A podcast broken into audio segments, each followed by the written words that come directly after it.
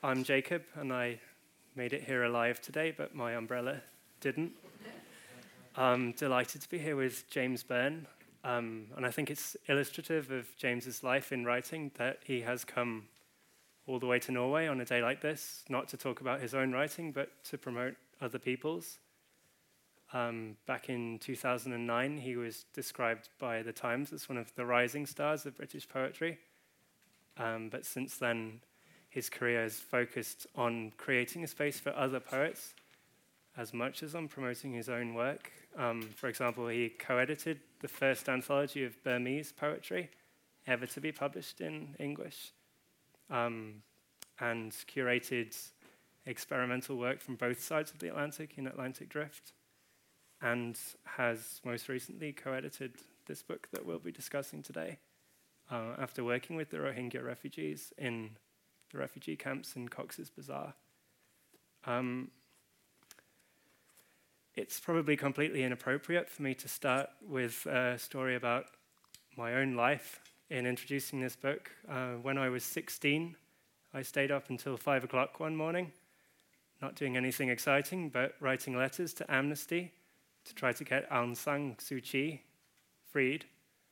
Um, in 1991, Norway, using its usual impeccable judgment, awarded Aung San Suu Kyi the Nobel Peace Prize. Uh, she became the head of the government in Myanmar in 2016 and was viewed as perhaps a savior for the Rohingya people. As we'll find out, the opposite was true. I was reminded of a Danez Smith poem when, um, when I began thinking about this event. He tells the story of um, a white man speaking to a girl from Pakistan at a bus stop, and he says to her, Oh, you're from Lahore? It's been pretty bad over there lately. And she replies with a smile, Lately has been a long time, and it's the same for the Rohingya people. And we're, we know part of the story, but their lately goes back more than two centuries. So I was wondering if you could tell us something about the context behind this anthology first, and um, what lies behind not just the latest exodus in 2017, but the treatment of the Rohingya people over the past centuries.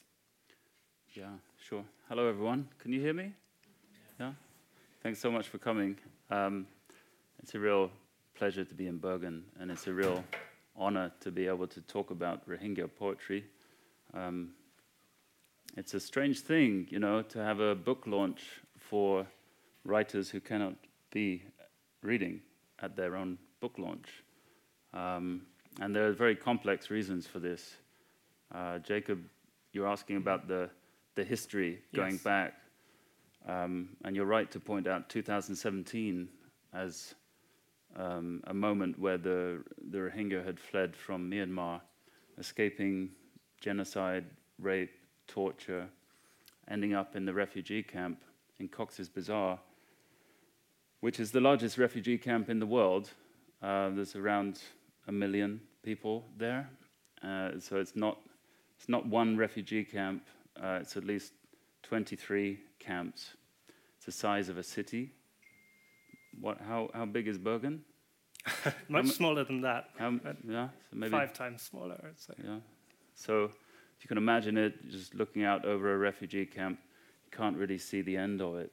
Um, um, going back a few hundred years, uh, it's called Cox's Bazar because of Captain Hiram Cox, Scottish American, and uh, he he um, he said that he wanted to set up wastelands um, to then, I mean, the Rohingya had their own community, their own uh, very functioning community in Arakan, which is their home. And uh, Captain Cox decided he wanted to set up, uh, he said wastelands, but he also used a word which is quite disturbing. He called it, uh, he said he wanted to set up a choky. You know that word? A, a choky? It's like a prison. So um, effectively, the Rohingya have been imprisoned in this land um, in Bangladeshi territory, now in Cox's Bazar. uh, for over 200 years. Mm. And of course, now, as I say, it's the largest refugee camp in the world. But the history uh, goes, goes back hundreds of years. And this also coincides with the Rohingya's own language as well, also being systematically um, oppressed and denied. The Rohingya, I should probably explain from the beginning, the Rohingya have their own language. Uh, it is an endangered language, and uh, it's predominantly spoken orally nowadays. It can be written using Arabic script or some writers still writing in, in, in uh, using the uh, Roman English alphabet. Mm. So in I Am a Rohingya, we have poets who write in English. We have folk songs, and uh, which are uh, transcribed into Bangla and then translated into English. Some of these folk songs go back hundreds of years. And uh, uh, yeah, so it's, re- it's really complex. It's interesting you mentioned Aung San Suu Kyi right at the beginning. Uh, Aung San Suu Kyi is seen as, you know, the great villain here, and in, in many senses she is. I mean, of course, she should be stripped of the Nobel Prize uh, because genocide has occurred. And she didn't speak mm-hmm. up. She had many, many, many opportunities to speak up and didn't. And and yet, you think of Myanmar, really, it's a, it's a country that is effectively run by the military. It's still a military dictatorship. The Tatmadaw, the Burmese military, uh, run the country and can overturn anything from Aung San Suu Kyi's party and, and have. So she's like a stooge for the military. But yeah, she's very complicit in the genocide of the Rohingya people. Yeah, and you pointed out a rather sad paradox when we spoke earlier that her father was, of course, murdered by the Burmese military, and she has she's now in this position where she's a stooge for them. Yeah. Um, and the numbers from this genocide are really quite staggering, quite horrific, and hard to comprehend for us here. But for example, um, the UN's reported that 300 villages were either partially or in most cases totally destroyed by fire within the first month after the latest outbreak of violence, and nearly a thousand children under the age of five murdered, and as you said, a million people in the camps, which makes this the largest stateless community anywhere in the world. And it's, and it's interesting um, that you've, I mean, you've got huge exodus to the camps, but you've also got what's been reported in the press as uh, a genocide zone, mm-hmm. um, where approximately 200,000 people are, are trapped uh, in between Myanmar and Bangladeshi territories, just inside Myanmar, actually, and, and regularly are being killed. And even in, even in the last uh, few weeks, there have been attacks on the Rohingya, uh, specifically after what happened in The Hague. Uh, so it's mm. ongoing, even though the the Hague, you know, had, through Gambia, let's remember, Gambia brought this case mm. against Myanmar. It wasn't my country, England, it wasn't the United States, it was Gambia saying that it was genocide. And uh, that was what the report declared, mentioning the word genocide a lot. But yeah, you've got 200,000 people who are trapped in a genocide zone. So it's a total disaster, a real catastrophe, and it's, I think, one of the well, one of the great tragedies of the 21st century, but of course, going back further than that. Mm. And you have first-hand experience of this because in April last year you were in the camps running creative writing workshops. In April this year. In April, yeah. Oh, sorry, it's now well, it's, it is 2020. We're in a new decade now. yeah. Yeah, yeah, yeah. But I, yeah, it's good to know. April last year. April yeah. last year. Um, and so I wondered how that came about, how you came to be involved with this project, and how you met your co editor, and how you ended up there in Cox's Bazar in the camps. Yeah. Um, well, it was Twitter, actually. You know, the great miracle of social media. Twitter bought uh, my co editor, Shehzar Doja, and myself together. Uh, prior to that, my sister in law, who works in emergency international health, she'd spent many times uh, well, she many times she'd been in the camps, uh, just administering the most um, necessary medical treatment. And uh, it just so happened that she met in the camps a, a poet And uh, I, I got in touch with him one year before I met uh, Shehzar and started Mm. working on this book. And uh, his name is Mayu Ali. Uh, he features in the book as well. And uh, Mayu and I just we, we just would talk on the phone, you know, using WhatsApp because is it still safe WhatsApp? I think. And uh, we we would uh, we would just talk all the time. In fact, the very first conversation I had with Mayu was um, I was in Paris uh, for my wife's birthday, and I remember it very clearly because Mayu and I we agreed to meet, but I was I was sorry we agreed to talk, and I was talking to him on the phone. And as what happens in the camps, if you're talking to someone who, who lives in a refugee camp, particularly Cox's Bazar, the signal, the transmitter is really bad. So you're having about 10 or 12 conversations on the phone, it cuts out.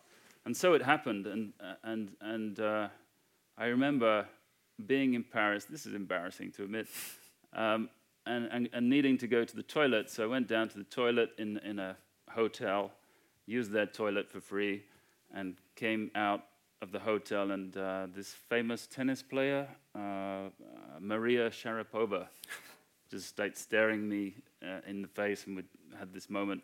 And, and then Mayu was back on the phone, and I just really knew very clearly my own privilege uh, talking to somebody who's trying to make 10 calls to me in one hour from a refugee camp.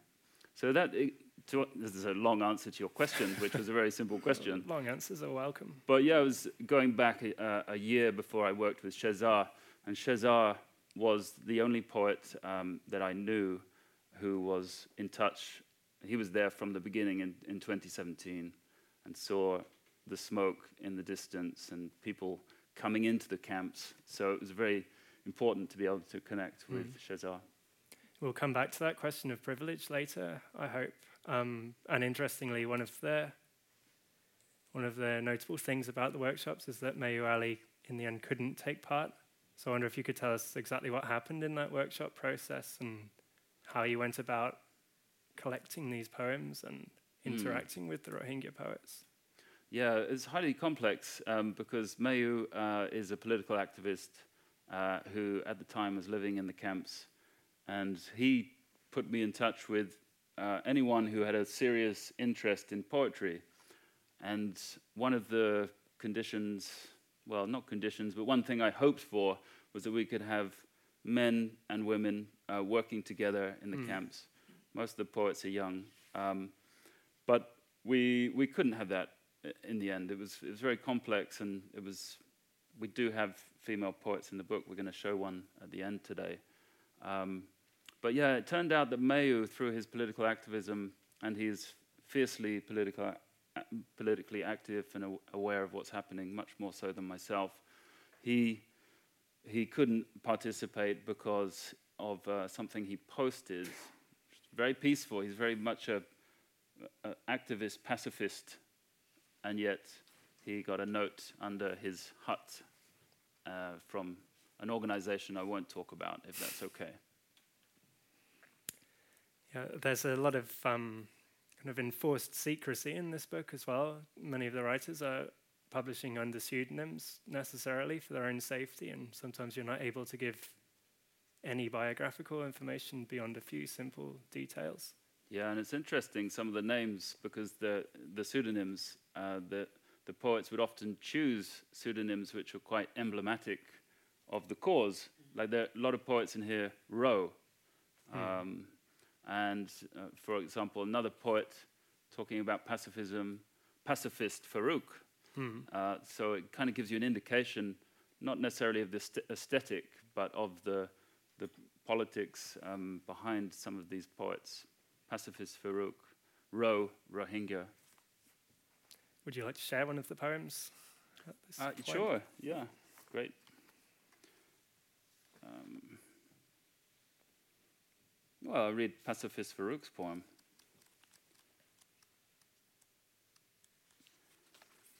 Uh, extraordinary young man. I, I won't say too, too much about him, but he's 20 years old. Uh, he's a great footballer, and he's a great poet, and he's an actor, and uh, he's now living very precariously uh, I cannot go into the details too much, but it's, it's very precarious day to day existence for him. Just wondering whether he will be found out for being a Rohingya, uh, trying to uh, live outside the camps. Pacifist Farouk, my life. Here's my life in brief. I was a frog in a well, a prisoner in the jail of fresh air, in the dark, dark cosmos. No days, just nights, nights. A small cormorant survives the genocidal waves by being flung, crashing into the world's strangeness. Storm of racism, of hate. This is my life. Just like an action movie in which you are the gangster, just like an actor who cannot discover his lines. In Arakan, they kill and bury you under the treasure of human rights.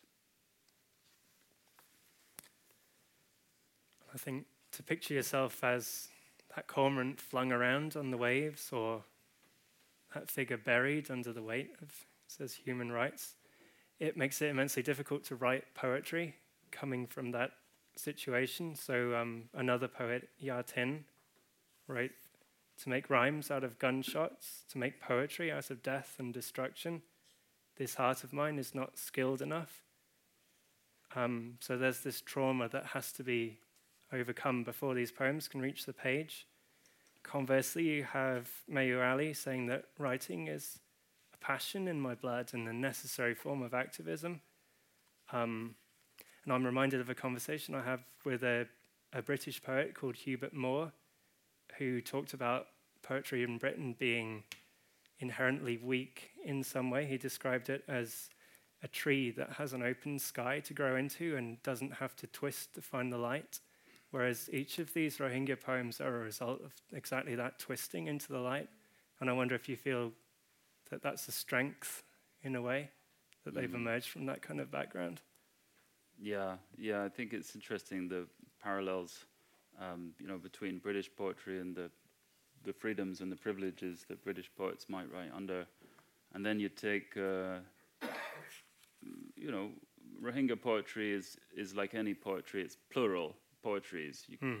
I mean, there is a poetry that is emerging, but there are many different strands, like folk songs, very contemporary young poets, older, more senior poets, um, some performance poets too, and and you know, all working under really extreme conditions. Um, the one thing that might bind this poetics is uh, it's poetry as activism, and um, you know, really extraordinary how how the poets are, are writing under these conditions in these times of great uncertainty and surviving a lot of trauma in mm. a very tough, direct, activist way.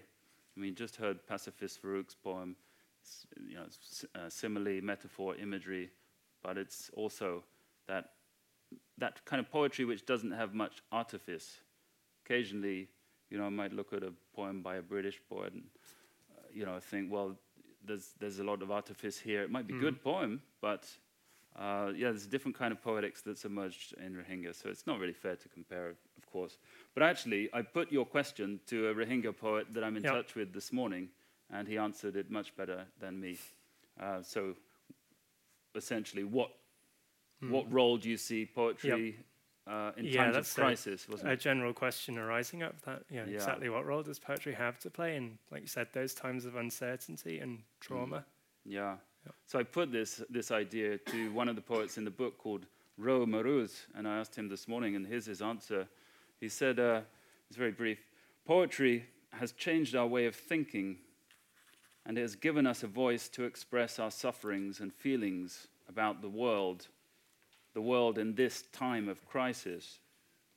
I think it's really interesting um, that last point that the world is in a time of crisis right now. Of course, we're all aware of it. You know, the world's very, very complex, many levels. But uh, you think of how the poets are thinking communally about not just their, their own suffering. There's poems in this book uh, talking about other parts of the world, talking about Palestinian refugees, and just having that empathy despite the uh, extraordinary trauma they might have suffered. We did talk a little bit about the communal aspect of this book earlier, that the poems sometimes depart from the singular lyric I, and there's this collective activist mm. mentality underlying a lot of the Rohingya work. Um, I wanted to come back to another line from Mayu Ali, who ends one of his poems with, The world is too brave to watch us being killed, uh, which gives us all pause for thought, I think. Um, I was wondering what the reaction has been from the world in response to this anthology. What has it led to? Um, how has it helped Rohingya voices be mm. heard? That's a good question. That's a tough question, isn't it?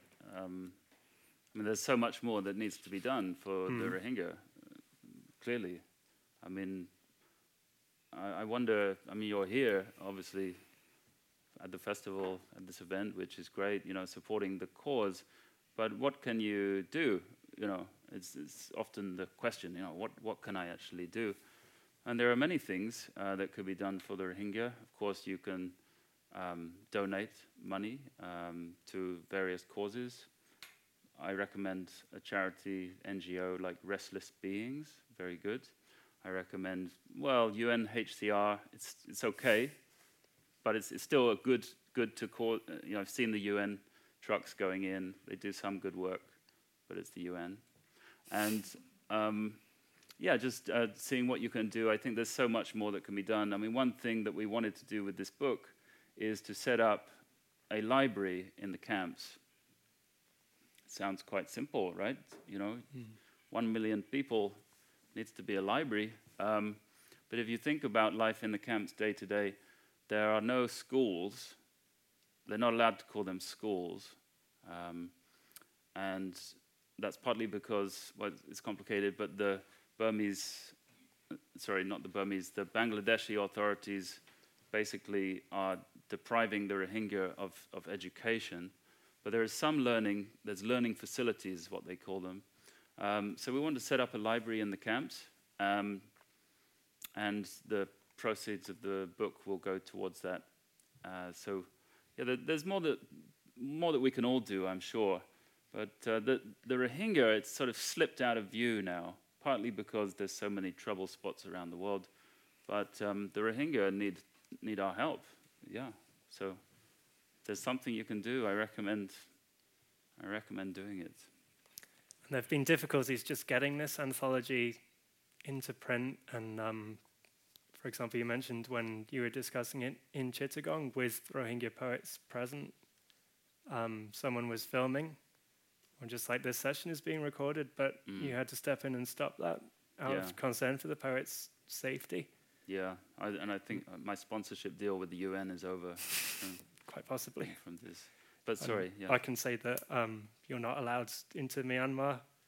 No, no I, it would, I worked with Myanmar poets for seven years, as Jacob said earlier on, and some wonderful writers in Myanmar. Um, and I worked with them at a time where uh, there was a censorship ban. Um, it's, it's, it's, very, it's very interesting with Myanmar poetics. Like, for example, the word mother, the poets couldn't use the word mother uh, for some time. If you did, you get the censor's pen. And that's because Aung San Suu Kyi, one of her nicknames is the mother. Hmm. You think how everything's changed now. Uh, and there was a dictator from 1962 called General Ne Win, and his name, Ne Win, means uh, sunrise. You translate Ne Win as sunrise. So he banned sunset because he thought people would be trying to kill him. you know, they use this word. So, you know, it's, it's totally insane. Um, but, uh, you know, in, in Myanmar, there are a lot of writers who are writing under really difficult conditions, and it's difficult for them now to, to speak up. But I knew that when I started working on I Am a Rohingya, that I probably wouldn't be able to go back to Myanmar. And I knew that, and that's fine. It's difficult because I've got some dear friends there, but, hmm. you know, what do you do? So, which brings me to my next question, I think. Here we are at, a, at an event called I Am a Rohingya, presented by two people who fairly clearly are not. Um, we're two white male writers discussing this anthology. And obviously, as we've just heard, we're in a position of incredible privilege. For example, just to be here and to be able to have our voices recorded or to speak under our own names. And one of the things I find really impressive about your life in writing is that you have created that space for less privileged voices to be heard. But do you think there's any kind of obligation on more privileged writers to create spaces for those voices? Do you see that as a necessary duty? And if so, how do we best go about it? Yeah, yeah, difficult question. I don't want to speak for everyone, of course. You know, you know, being privileged myself, um, I, I, I'm just interested in the the other is often called the other. Mm. What is the self, and what is the other? Uh, but I'm I'm more interested in how we might understand ourselves as human beings. You know, trying to work through the difficult times that we're facing in the world. So I think um, I think privileged writers can and often do help. Hmm. Um, mm. Some don't at all. You know, I, I remember when I worked with. Uh, this is a slight segue, but I remember when, when I worked with a great Somali poet, Maxamed Xaashi Dhamac. Uh, his nickname is Gaarriye. He passed away about 10 years ago. And he came to England and we worked together back in 2004, and he said, um, you know, there's so much privilege in the poetry in England. And I said, yeah, I know. Uh, what can we do? And he said, you know, in Somalia, if I wrote a poem about brushing my teeth, people would attack me at the reading, you know, uh, and, or flowers in a vase, something mm. like that. But I would not like to say for anyone what they should be writing about. Um, but I think how to document these times is interesting. How to actually document what is happening and to create positive change. There are many ways to do it.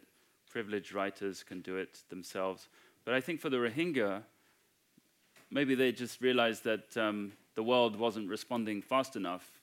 So you've got uh, Rohingya photographers, artists, poets who are now just thinking, well, we needed help, we still need help, but now mm. we are going to take uh, the power, the limited power they might have as in terms of a voice, and try and write and and use forms of artistic expression.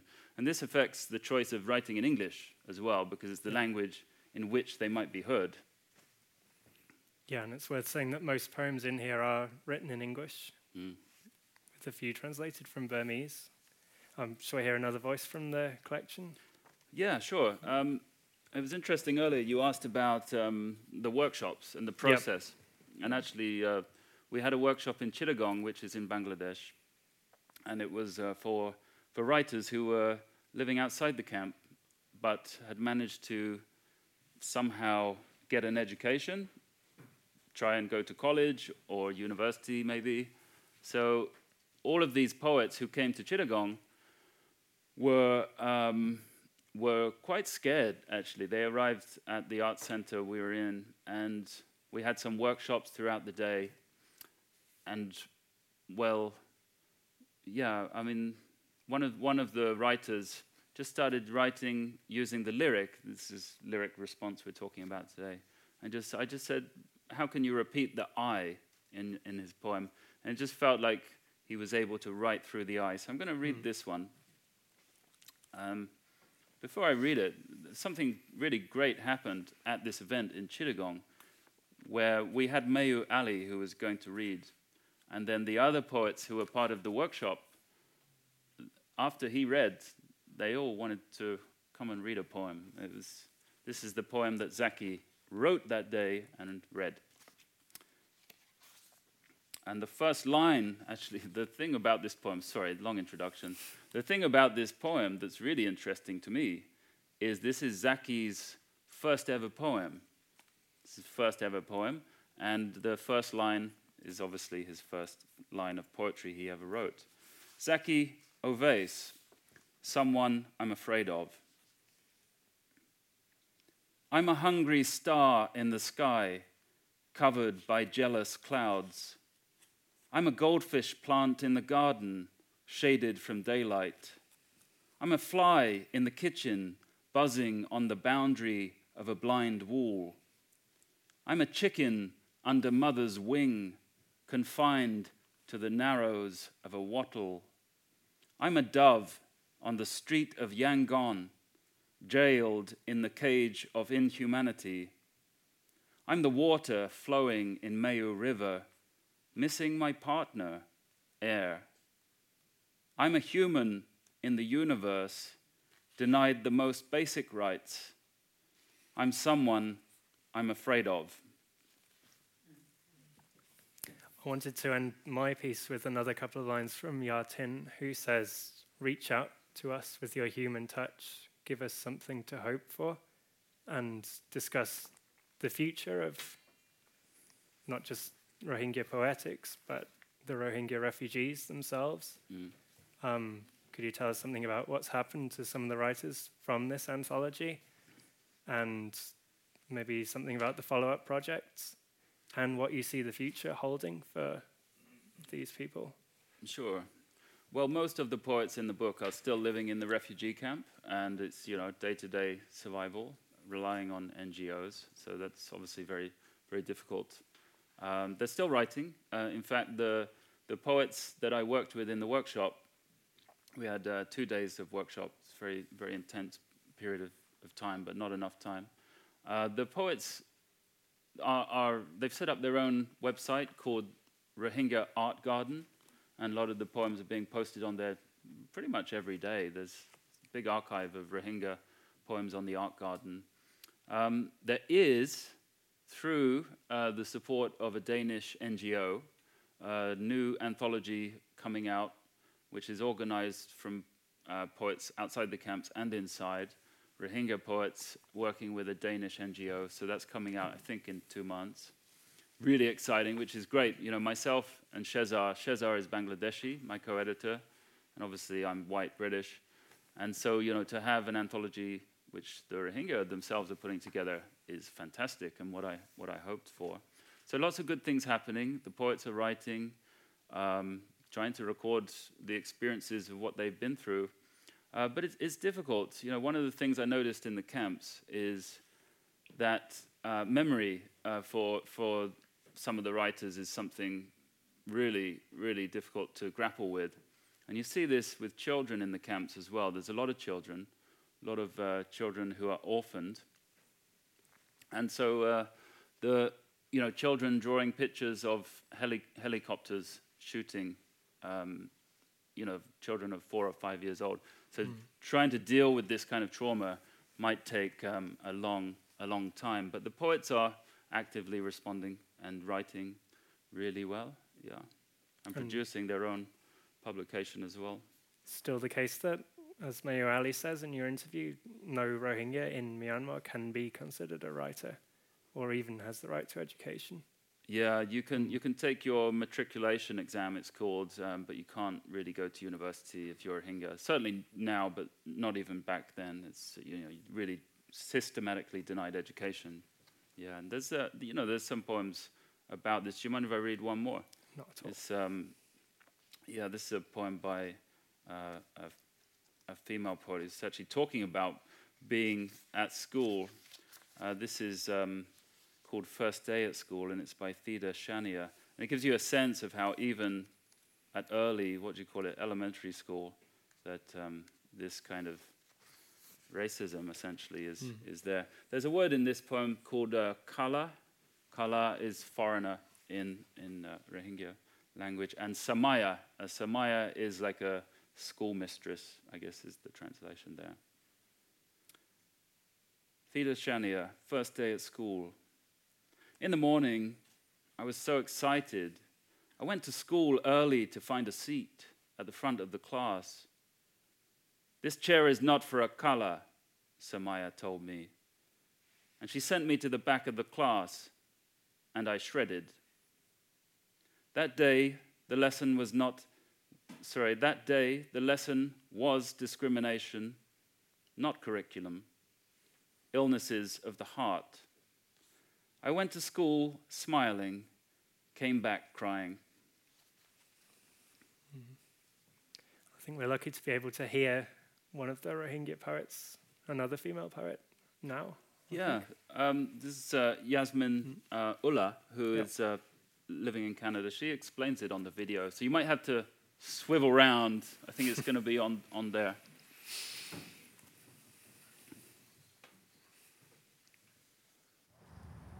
Hello everyone, my name is Yasmin Ullah. I am a Rohingya. I was born in the northern Rakhine state of Myanmar. And uh, my family fled to Thailand uh, in 1995, and we remained refugee and stateless there for a number of years until 2011 when we were helped by some very kind Canadians um, who helped us not only to sponsor us to Canada but also helped us resettle here. Um, and I currently uh, live in Vancouver, one of the most beautiful cities off the west coast of Canada. And today I just wanted to share with you parts of my poem called uh, Birth. And I decided to write um, a little bit about our journey since we were born. And uh, the core of our existence um, is uh, highlighted in this poem. And I hope that it would um, tell a story of how ours is, you know, a very, very communal uh, struggle of humans. Really, it's just it's just a human struggle story, um, but it's also written with a great sense of pain. Um, the pain of being unwanted, the pain of being lesser than, the pain of being erased, um, the pain of you know uh, erasure as a community, the pain of um, trying so hard but never um, never, never feel like uh, you're ever enough. And uh, I hope that um, this story would appeal to you um, just because it's not, you know, it's not just a, a story that is ex exclusive to Rohingya, but it is, you know, something that we all struggle with, I believe. And um, I hope that you could relate and hopefully you'd feel the connection to us um, as your fellow friends and humans, not just as victims. I was born under a sun that burns through skin. Rohingya are dark. If they say we look like beggars, we really become beggars. No free will, no choices left. Blood that swims through my veins, the agony of women shapes me into a living body. Women who, in every attack, every massacre, were raped, their souls assaulted, women who find themselves victims of human trafficking, sex trafficking, because that for them is better compared to living in this soul shattering, hellish reality. I was born of loving mothers who, despite their plight, give and give everything for their children, no question asked. So they could have the future their mothers were denied, even if it means carrying the children in their too tired arms, bleeding internally excessively from their gang rapes, their tortures, their throat slits, their flesh sliced, hours before fleeing. Rohingya mothers run with all their might, hoping to make it across to the other side. Feet worn by thorns and pebbles, mothers who bled and cried but kept going. Little did they know they would be torn apart from their children the very moment makeshift rafts capsized. Their will to live was strong but the river's current separates humanity was stronger. I was born of the people whose long exiles are destined. Our long journey of pain, the world took over half century to notice. I lost count how many times we became refugees. I lost count how many left their cities, never allowed back, leaving children behind, turning backs on family, outside the comfort of home, alone and struggling. Our feet are so tired. Broken heels bleed, the mud we walk through, dried, hardened. If we walk the entire earth barefoot, would we ever find a home? I was born of the forced, crooked smile, blurred with tears, the slow fade of resilience. I was born as one of the forgotten of those who the world doesn't quite remember. But at least I was born, so you can hear me speaking up, so you, the world, can listen. So please look at me, my people, us, through the lens you reserve for someone special, wholesome, human, not so different from you. Yasmin Ullah. I think we do have time for a question or two from the audience before we finish. If anyone has a question. Yeah. I think we also have a microphone that can be passed around. Yep.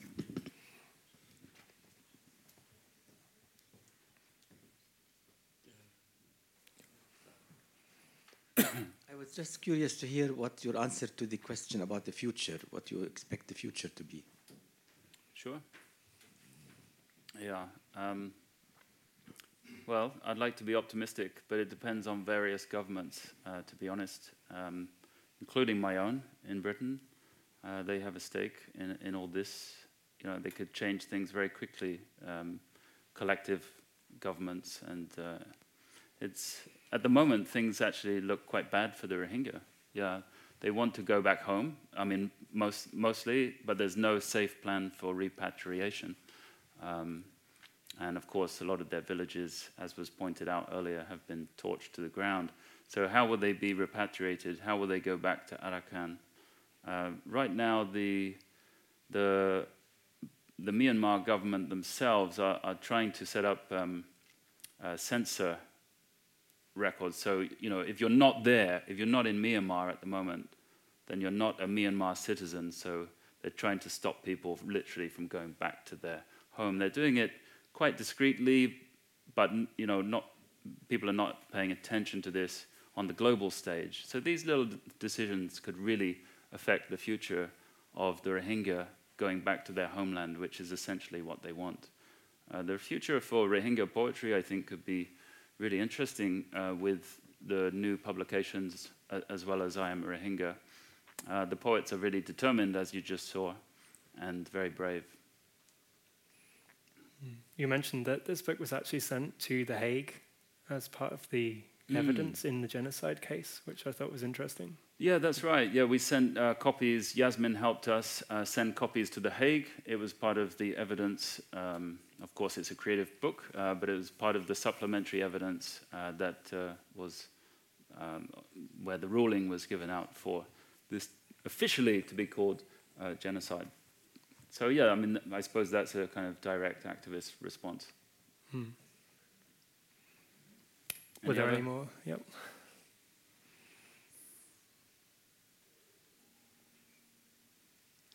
Should I finish with one poem? Yeah, let's have okay? one more to finish. Very short poem.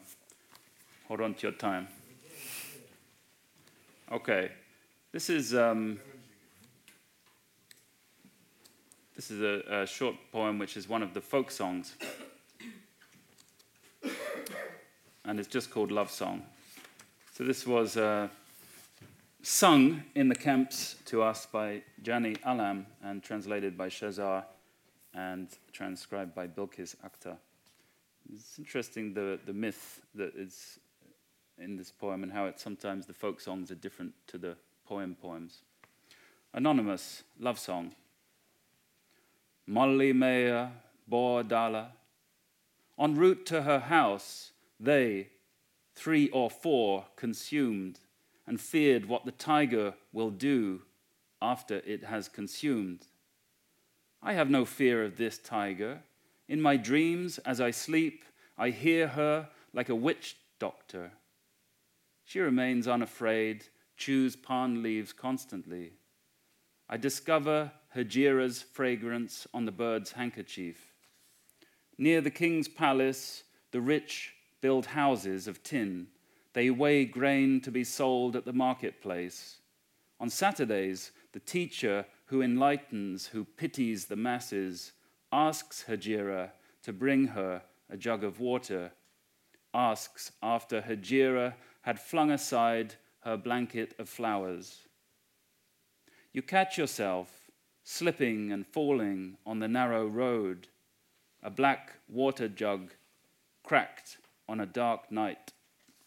Thank you.